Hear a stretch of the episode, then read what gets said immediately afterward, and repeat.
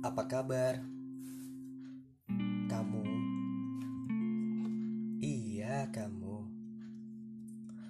Ini untuk kamu yang sedang mendengarkan podcast ini. Untuk kamu yang pernah sakit hati.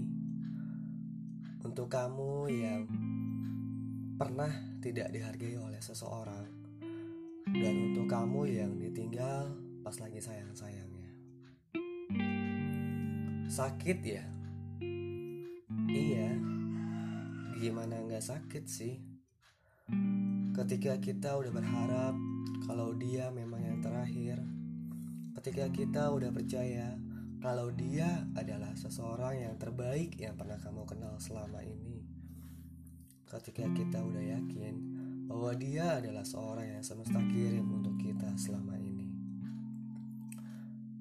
Namun, ternyata semesta berbeda pikiran dengan kita. Apa yang kita pikir terbaik ternyata tidak bagi dia.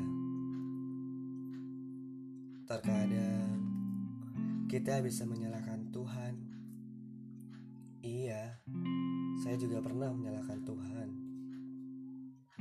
Kenapa sih Tuhan harus misahin dia dari saya? Tapi dari situ saya belajar bahwa saya berharga dan saya masih bisa mendapatkan yang lebih baik dari dia. Dan kamu yang mendengarkan podcast ini juga harus merasa seperti itu.